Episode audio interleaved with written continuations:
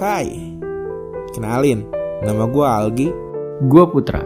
Selamat datang di podcast bersama kita. Kalian akan mendengarkan obrolan-obrolan menarik mulai dari rumitnya kehidupan, hal-hal yang penting, sampai ke hal yang receh. Dan bersama kita, kalian akan dibawa ke masa kenangan yang mungkin hampir usang. Jadi, jangan lupa untuk mendengarkan kami ya. Setiap hari Jumat bersama kita.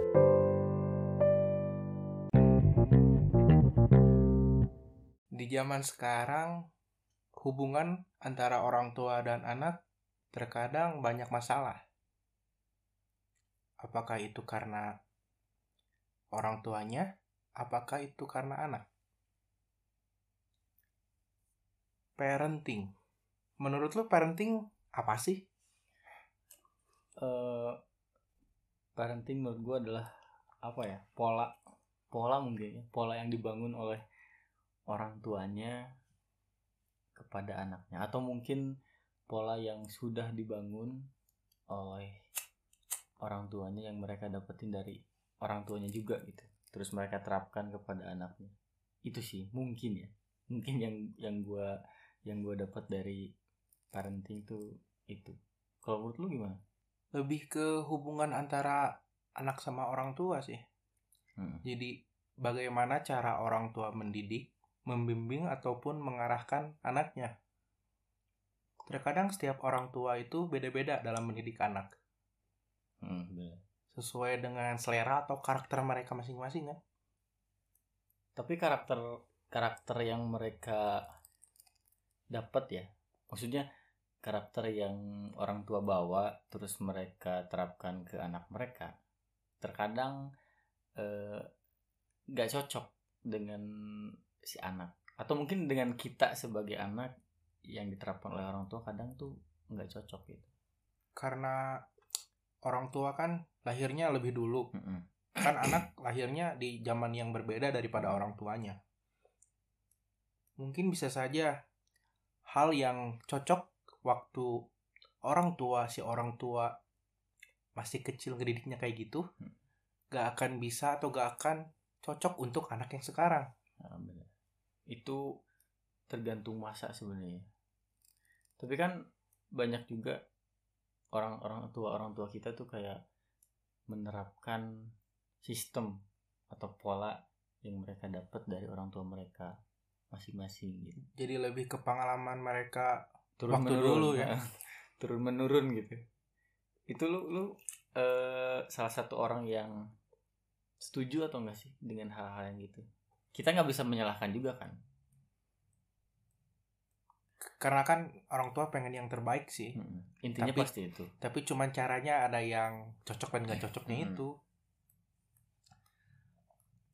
kalau menurut gua sih lebih ke fleksibel sih ya ada yang masih bisa digunakan untuk zaman sekarang untuk anak yang sekarang dan ada hal yang seharusnya gak digunain lagi gitu udah nggak bisa digunain lagi sekarang itu mungkin harus adaptasi terhadap situasi sekarang ya lebih ke menyesuaikan dengan tipe anaknya sendiri sih nah itu yang susah karena kan misalkan satu keluarga ngedidik kakaknya kayak gini Eh. ngedidik adiknya kayak gini soalnya kan beda apalagi beda jenis kelamin ngedidik cowok kayak gini ngedidik cewek kan beda lagi ada yang sensitif gak ada bisa yang disamain enggak, rata gitu. semua gitu Hmm. tapi yang lo dapat apakah eh, keluarga lu apa namanya menyikapi anak-anaknya dengan satu cara gitu kalau di keluarga gua sih lebih ngebebasin sih Mm-mm. cuman ada aturan-aturan tertentu atau tanggung jawab yang harus jadi sesuai sama resiko yang terjadi jadi si anak harus tanggung jawab dengan apa yang dia lakuin gitu. Mm. Lebih gak nuntut macam-macam gitu. Fleksibel sih. Gak gak harus sesuai dengan apa yang orang tua inginkan. Jadi lu bebas tapi dalam Ada eh, aturannya ah, gitu. Bebas tapi masuk, ada masuk aturannya. aturannya aja gitu kan. Namun ada gak gak semua bebas sih. Ada juga uh, hal yang gak apa gak cocok gitu. Gak sinkron. Mm. Jadi kan ke diri itu pengen apa? Menolak gitu. Masih- tetap masih banyak apa eh, yang gak sinkronnya kan Ada, pasti ada. Hal yang sinkron dan juga gak sinkronnya.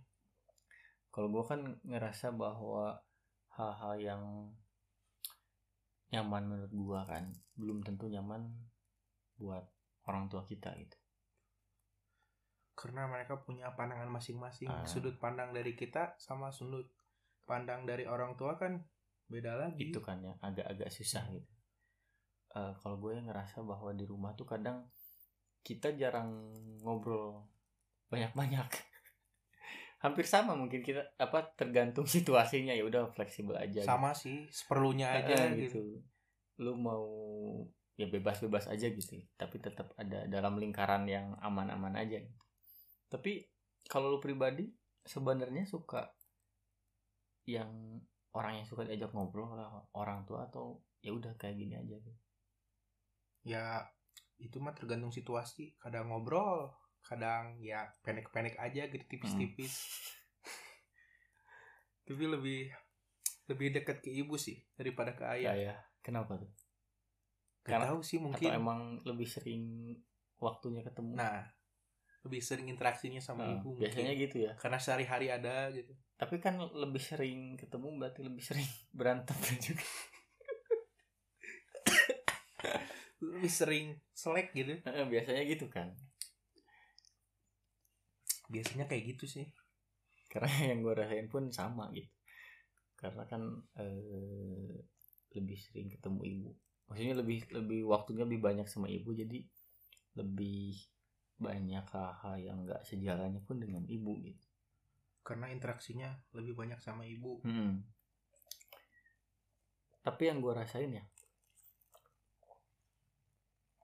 eh, ada beberapa pola yang mungkin orang tua gue kayak mengikuti adaptasinya zamannya sekarang gitu. Tapi kadang yang mereka terapkan pun eh, masih mengikuti zaman kolonial Belanda gitu. Jadi kekehnya bukan kekeh apa ya? Jadi mereka itu apa ya? Pancing. Kukuh dengan pendiriannya Eh, gitu. kalau A ya ya udah gitu. Ya, A ya, nggak- A. nggak Nggak bisa jadi B, bisa jadi C. rubah-rubah gitu. Ya mungkin itu apa ya orang tua tuh memang harus gitu kayaknya. Proses belajar buat kita juga gitu. Cuman di sisi lain banyak hal-hal yang menurut gua lebih efektif gak sih kalau misalkan orang tua tuh mendidik anaknya ngikutin apa yang terjadi sekarang gitu. Menurut lu gimana? Atau udah harus aja gitu apa yang kita dapat dari orang tua kita sebelumnya kita terapkan ke anaknya atau gimana? Kalau gue lebih ke ini sih. Kita jadi anak kan gak gampang gitu. Mm-mm. Susah juga. Mereka pun jadi orang tua Susah juga. susah juga. Coba bayangin kalau kita posisinya kebalik jadi orang tua. Mm-mm. Pasti ngalamin hal yang sama, Mm-mm. situasi yang sama. Khawatir. Khawatir. Kepikiran apalah. Heeh, bener.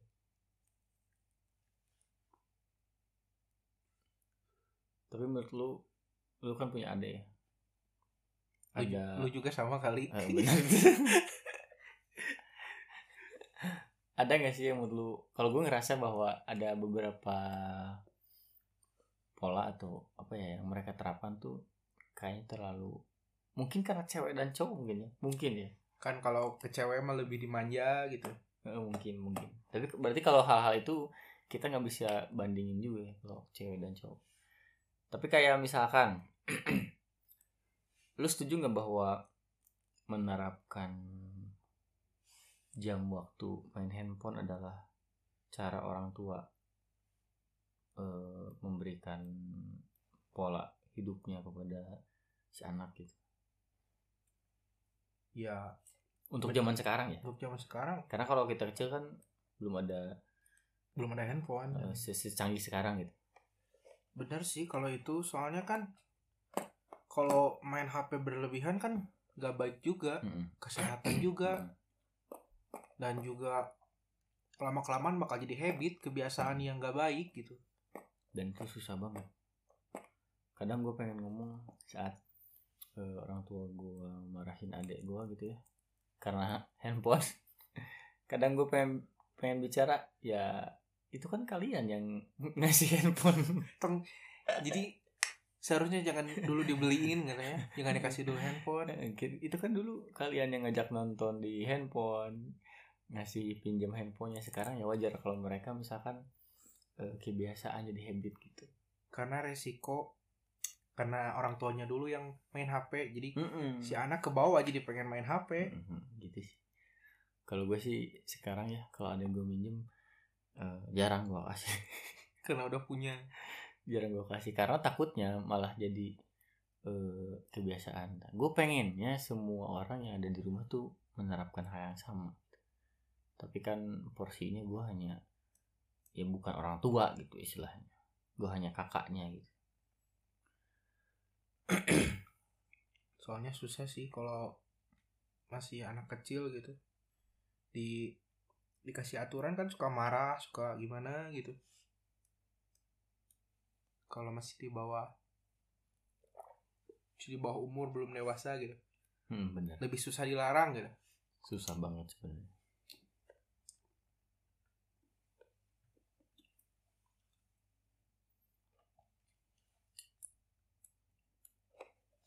kalau menurut lo men eh, parenting itu perlu gak sih parenting yang bagus bro ya parenting Eh, yang cocok itu gitu. Pak, menurut gue perlu sih. Karena gini ya, saat gue jadi pengajar gitu, Ya. eh, banyak nemuin orang-orang yang kayak orang tuanya pisah, broken home. Broken home, terus mereka hidupnya sama neneknya, sama kakaknya, yang notabene mereka nggak dapet kasih sayang se bukan berarti kasih sayangnya nggak tulus ya. Maksudnya nggak nggak se nggak seperti orang biasanya nggak gitu. seperti orang biasanya. Orang tua kan pasti beda gitu dari sekian banyak orang yang gue temuin gitu. Bahkan saat mereka orang tuanya ada tapi mereka sibuk kerja atau mereka udah pisah dan lain-lain kayaknya tetap memang bener-bener perlu gitu untuk kehidupan. Apalagi kalau misalkan si anak ini masih bisa tumbuh lebih jauh masih bisa berkembang masih hidupnya harus di masih panjang jalan masih hidupnya. panjang masih harus dituntun gitu harus diajarin kayaknya memang bener-bener perlu nih eh, si parenting ini? Kalau kalau menurut lu? Penting juga. Soalnya kan parenting itu awalnya dulu awal mendidik si anak dari awal. Hmm. dari masih anak-anak remaja ataupun dewasa. Kalau parentingnya gak gak bener gitu.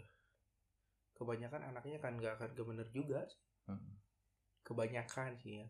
Tapi tidak tidak menutup kemungkinan si anak kan berpikir juga punya pola pikirnya. Bisa aja karena dulunya dia diperlakukan seperti seperti itu nanti punya anak jangan sampai si anak si anaknya dia merasakan hal yang Yang sama, seperti dia Ah, gitu. gitu, bener-bener. ada juga yang seperti itu. Tapi menurut lu susah nggak sih mengurus anak? Karena yang gue bayangin ya eh sekeras apa pun kita mendidik anak ini gitu. Mereka tetap akan punya teman di luar gitu. Mereka akan tetap punya waktu untuk tumbuh di luar. Sedangkan kuasa di luar gitu kita nggak bisa ngapa-ngapain. Gimana tuh? Lebih ke ah lebih ke apa? Ngajarin anak buat tanggung jawab sama pilihannya sendiri sih Hmm. lebih ke itu karena kan kalau udah udah keluar dari rumah istilahnya ya kita juga gelap gak Ah, tahu kita dia nggak tahu ngapain ng- gitu. ngapa-ngapain gitu. hanya modal percaya aja kayaknya nggak akan cukup soalnya kan bisa aja berbohong kah Ah, ah, gitu. karena kan kita di luar pun ya udah emang bener-bener gelap gak akan tahu bahkan banyak orang-orang yang bener-bener tumbuh tuh di luar istilahnya di jalan lah istilahnya gitu istilahnya kayak didikan di rumah tuh hanya sebagian kecil gitu. hanya beberapa persen gitu dan itu orang-orang yang menurut gua di rumahnya nggak dapet pola asuh atau mungkin kasih sayang yang lebih Yang baik semestinya gitu. Ya, yang gitu. semestinya gitu akhirnya mereka dapatnya dari luar terkadang karena di rumahnya orang tuanya gak ada waktu Mm-mm, mereka melampiaskan semuanya itu di luar. Di luar. Kenakalan remaja kah? Ah. hal-hal yang negatif kah? Itu makanya kenapa pendidikan tuh harus dimulai tetap dari rumah. Dari rumah jangan hanya guru aja. Soalnya kan guru cuma di sekolah. Yang beberapa persen yang banyaknya itu di rumah. Kalau di rumahnya parentingnya udah baik lah minimal udah baik di sekolah juga gak gak harus banyak banyak usaha buat itunya. Karena yang gua alamin juga ya saat ada anak yang dalam tanda kutip eh, beda gitu ini pertanyaannya antara dia tuh cari muka di sekolah yang kedua emang di rumahnya nggak dapet perhatian yang ketiga emang emang sifatnya aja kayak gitu. Emang sifatnya aja kayak gitu jadi tapi, ada tapi rata-rata di antara mereka ya mereka tuh bener-bener cari muka gitu. Maksud cari muka tuh kayak gua tuh di rumah nggak dilihat gitu istilahnya. Biar ada yang merhatiin gitu. iya kan di sekolah atau di luar.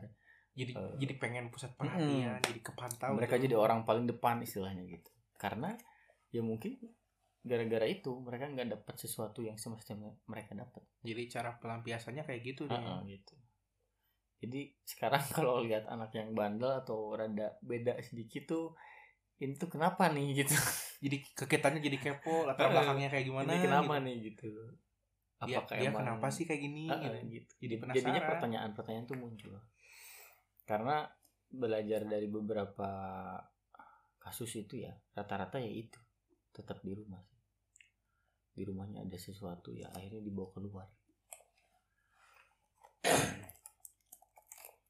jadi rumah itu nomor satu ya. Hmm. keluarga nomor satu juga. Tetap harus nomor satu. Pada akhirnya. Pada akhirnya harus nomor satu.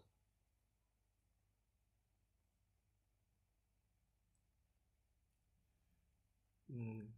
jadi menurut lu gimana nih? Parenting versi lu kayak gimana? Menurut gue sih kalau misalkan nanti punya anak gitu. Ini terlalu berat karena belum.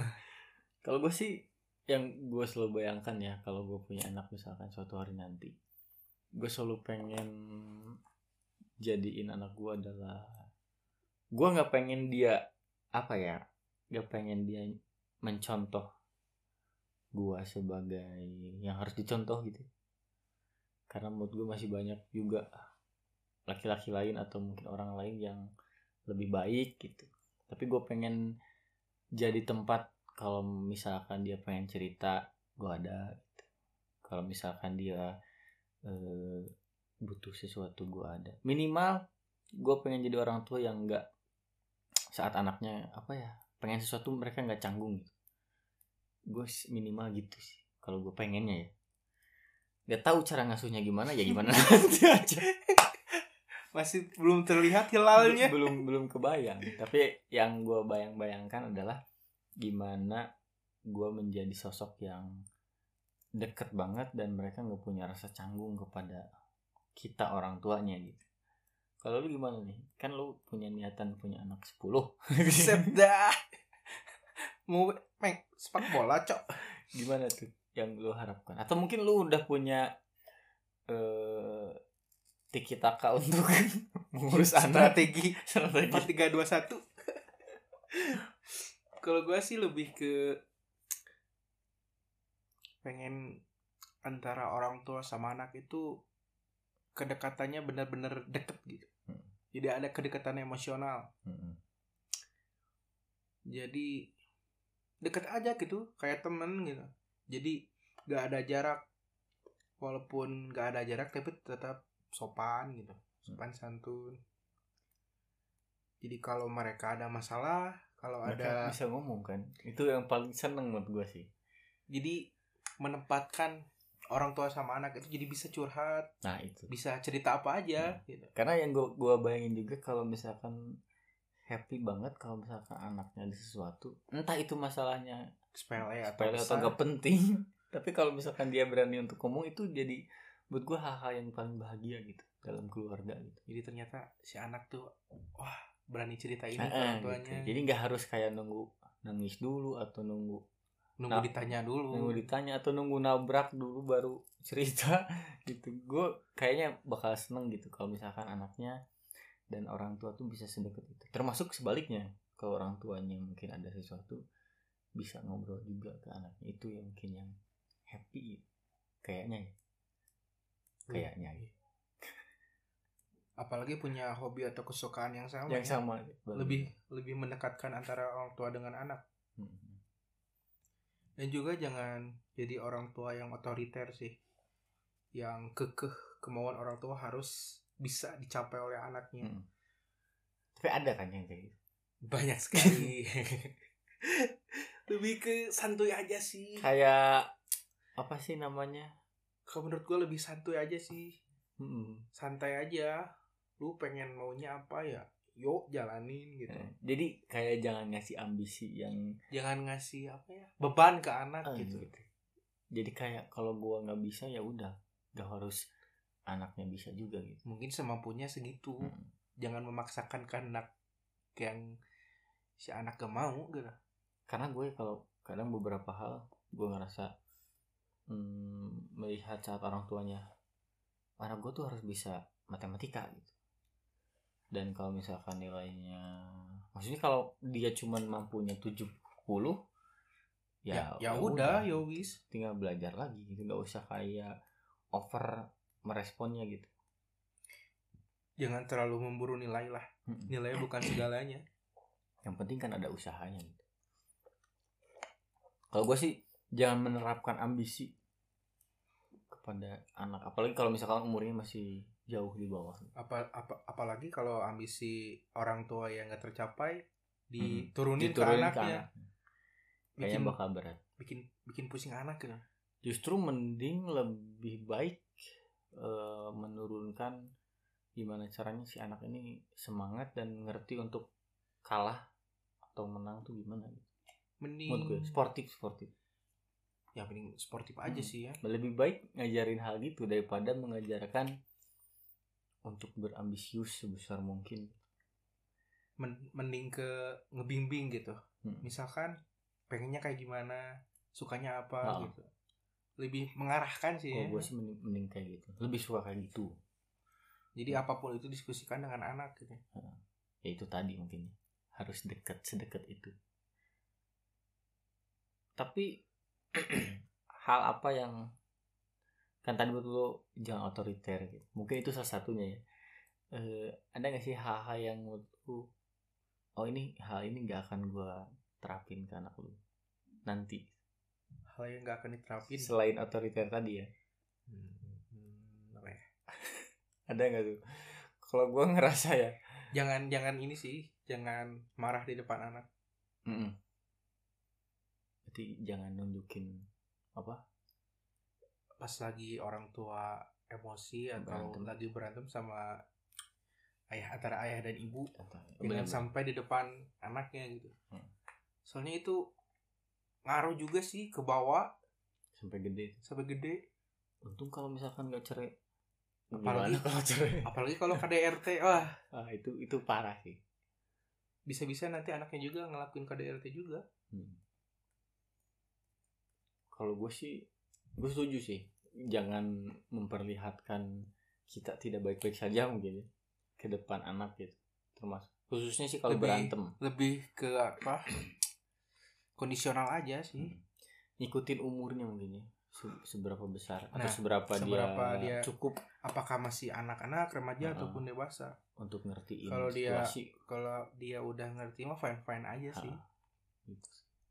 Tapi kalau gue sih gak pengen menerapkan kayak hal-hal yang utama tadi sih, maksudnya gak pengen ada jarak gitu ya. Gue gak pengen kayak sesibuk apa pun gue tuh kayaknya perlu banget nyapa gitu, cuma harus nanya. ada meluangkan waktu lah Ah, gitu. itu tuh itu yang gue pengen Jangan- rubah gitu jangan sampai anak kekurangan waktu dengan Hmm. orang tuanya dan yang gak pengen gue terapkan adalah selain marah-marah tadi ya eh gue nggak pengen ngomong kasar. Se seberapa pun dia salah gitu ya dengan hal-hal yang mungkin bikin kita kaget gitu ya kayaknya gue nggak pengen kalau harus mengeluarkan kata-kata kasar gitu. Tapi itu susah sih. Eh, itu susah pasti. Cuman itu kan bisa aja keceplosan, keceplosan gitu. ke ke apa ke tambah emosi atau gimana itu bisa aja. Tergantung kita ngontrol emosi Hmm. juga. Tapi itu sih yang gak pengen gua terapkan. Karena yang gua rasain ya kalau kita ada di momen eh, berantem bukan bukan pukul-pukulan juga ya maksudnya ada ada perdebatan eh, perdebatan gitu itu abis itu chaos banget.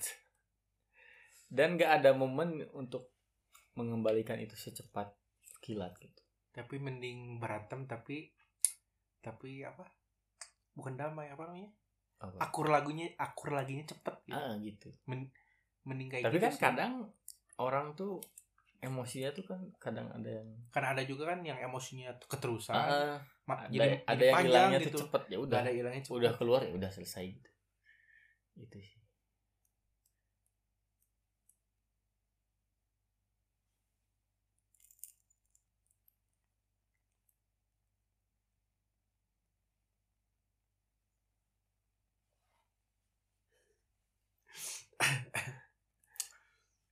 tapi menurut gue sebelum kita menutup perbincangannya nih eh, yang namanya parenting ya maksudnya yang nama hubungan orang tua sama anak pasti ada toksiknya juga kan? Iya. mungkin udah beberapa hal yang kita sebut tadi. Gara-garanya mungkin gara-gara nggak komunikasi lah. Miskom ya. Heeh, gitu gara-gara beda pemahaman. pemahaman. Beda sudut pandang juga. Atau mungkin gara-gara kita otoriter akhirnya hubungannya jadi toksik gitu gara-gara apa memaksakan kehendak juga Mm-mm. atau mungkin gara-gara ambisi tadi gitu. tidak Pasti hubungannya jadi tidak saling mengerti satu sama lain lambat laun jadi toksik juga gitu. si orang tua ingin A si anak padahal inginnya Ah, C Ini CM ini ya hal lain gitu. Dan Hmm. itu pasti banyak terjadi. kuncinya sih komunikasi ya Mm-mm. Tapi ada hal lain gak sih maksudnya? eh menurut gue ya saat si anak khususnya mungkin masih di bawah umur lebih sering waktunya dengan handphone itu udah toksik banget menurut gue. Ya. iya benar sih. Menurut gue ya karena Lebih- kalau sangkut pautnya hanya dengan games misalkan beda lagi kalau misalkan ini atlet e-sport gitu. Atau Beda mungkin lagi itu. umurnya udah udah maksudnya um- umurnya udah di cukup lah mencukupi. cukup dan dia bisa ngontrol semuanya dan itu kan disebutnya pun bukan hanya main-main kan. Tapi kan kalau masih di bawah Serius umur di bawah umur kayaknya pengaruh itu jadi toksik juga gitu. Jadi jangan dulu lah dikasih handphone ya. Mm-mm. mungkin itu satu. Jangan dikasih handphone sebelum waktunya sama lah kayak jangan pakai motor sebelum 17-18 tahun gitu. Soalnya bahaya juga kan banyak kecelakaan. Mm-mm. masih kecil pakai motor kecelakaan gak pakai helm. Mm-mm. kan? Itu tetap menurut gue toksik tapi ada nggak sih hal eksternal yang membuat hubungan di rumah tuh eh, nggak baik gitu? hal eksternal. Hmm. contohnya kayak gimana nih? Mungkin karena pergaulan yang mereka dapat sesuatu apa yang kita bicarain tadi karena saat anak keluar itu kita jadi gelap. Ada nggak sih pengaruh kayak gitu? Menurut lu? Bisa aja sih. Kalau anaknya ke bawah sekaba-kaba ke bawah ke bawah arus yang gak baik Mm-mm. Tapi anehnya ya gue gue tuh punya banyak temen dengan beraneka ragam Suku kebiasaan. jelas keanekaragaman kebiasaan gitu ya. Tapi nggak nggak segampang itu juga buat masuk ke dalamnya gitu. Menurut gue ya se tapi gue percaya bahwa faktor eksternal tuh bisa mempengaruhi si kumbung kumbung nih. Tumbuh, kembang tumbuh kembang anak internal dan eksternal pasti gitu, pasti ngaruh. sih. dan orang tua tuh menurut gue nggak akan bisa ngapa-ngapain jadi kembali lagi ke anaknya dan menurut gua kalau orang si anak itu udah keluar berarti ini dipengaruhi oleh eksternal menurut gua si orang tua harus orang tua tuh harus bisa selapang dada mungkin untuk menerima anaknya gitu lebih ke penerimaan apa pun yang terjadi ke depannya Heeh. karena mereka yang tadinya nggak bisa ngomong ah goblok lu gitu. Dari luar ke dalam bisa. Dan itu kayaknya orang tua tuh harus menerima atau mungkin bisa merubah sebenarnya. Buat gue itu sih. Tapi ada hal lain gak sih yang toxic menurut lo yang mungkin harus dihindari selain handphone tadi dan pergaulan-pergaulan? Pergaulan sih yang paling parah. Itu susah ya susah susah banget diaturnya gitu. Hmm. harus punya dasar sendiri dari si anaknya. Kalau si anaknya punya pendirian mau main sama orang kayak gimana pun dia akan lurus-lurus aja gitu. Hmm. nggak akan ke bawah. Balik lagi ke pedoman awal gitu. Agama. Bener. Mau nggak mau lu harus belajar agama. Apa pun situasinya sholat setidaknya ada ada rem lah ada Hmm. batasan. Kalau kalau udah tahu baik dan buruk tapi kalau harus, gak ada harusnya bisa misahin. kalau gak ada remnya pasti masuk semuanya. Tetap harus ada rem. Ada di mana saat kita ngegas ada juga hal yang seharusnya kita rem. Kita tapi menurut lu ini agak agak gimana ya namanya? Menurut lu keluarga lu toxic gak menurut lu ya pasti ada ada ada aja gitu. Soalnya kan jadi orang tua itu susah juga. Hmm. gak ada orang tua yang sempurna. Mm-mm. siapa pun orang tuanya pasti ada ada. kesalahannya. Tapi ada gak sih keluarga yang menurut lu jadiin panutan? Entah itu saudara atau siapa gitu. Maksudnya kayak duh lihat mereka kayak adem gitu. Itu di depan gak tahu di belakang ya kan. Pasti sama-sama aja kalau menurut gue sih karena banyak kita lihat adem-adem tiba-tiba cerai. Karena sama kita kelihatan yang baiknya aja. Gak tahu kan dapurnya kayak gimana. Hmm, bener. ya gua pun setuju dengan keluarga gua. Banyak toksiknya juga banyak eh, tentramnya juga. Karena kan susah. Beberapa ke- kepala disatuin ya pasti ada pertikaiannya juga ada ada apinya juga. Hmm. tapi walaupun sering berantem ataupun ada seleknya tapi ujungnya akur-akur juga Hmm. sih ya. Yang pasti kembali ke akur-akur lagi. Normal lah ya. Kembali ke setelan pabrik. Mm-mm. manusiawi lah gitu. Ya itu mungkin dari kita. Jangan lupa tonton keluarga cemara. Nah, terima kasih buat semuanya. Sampai jumpa lagi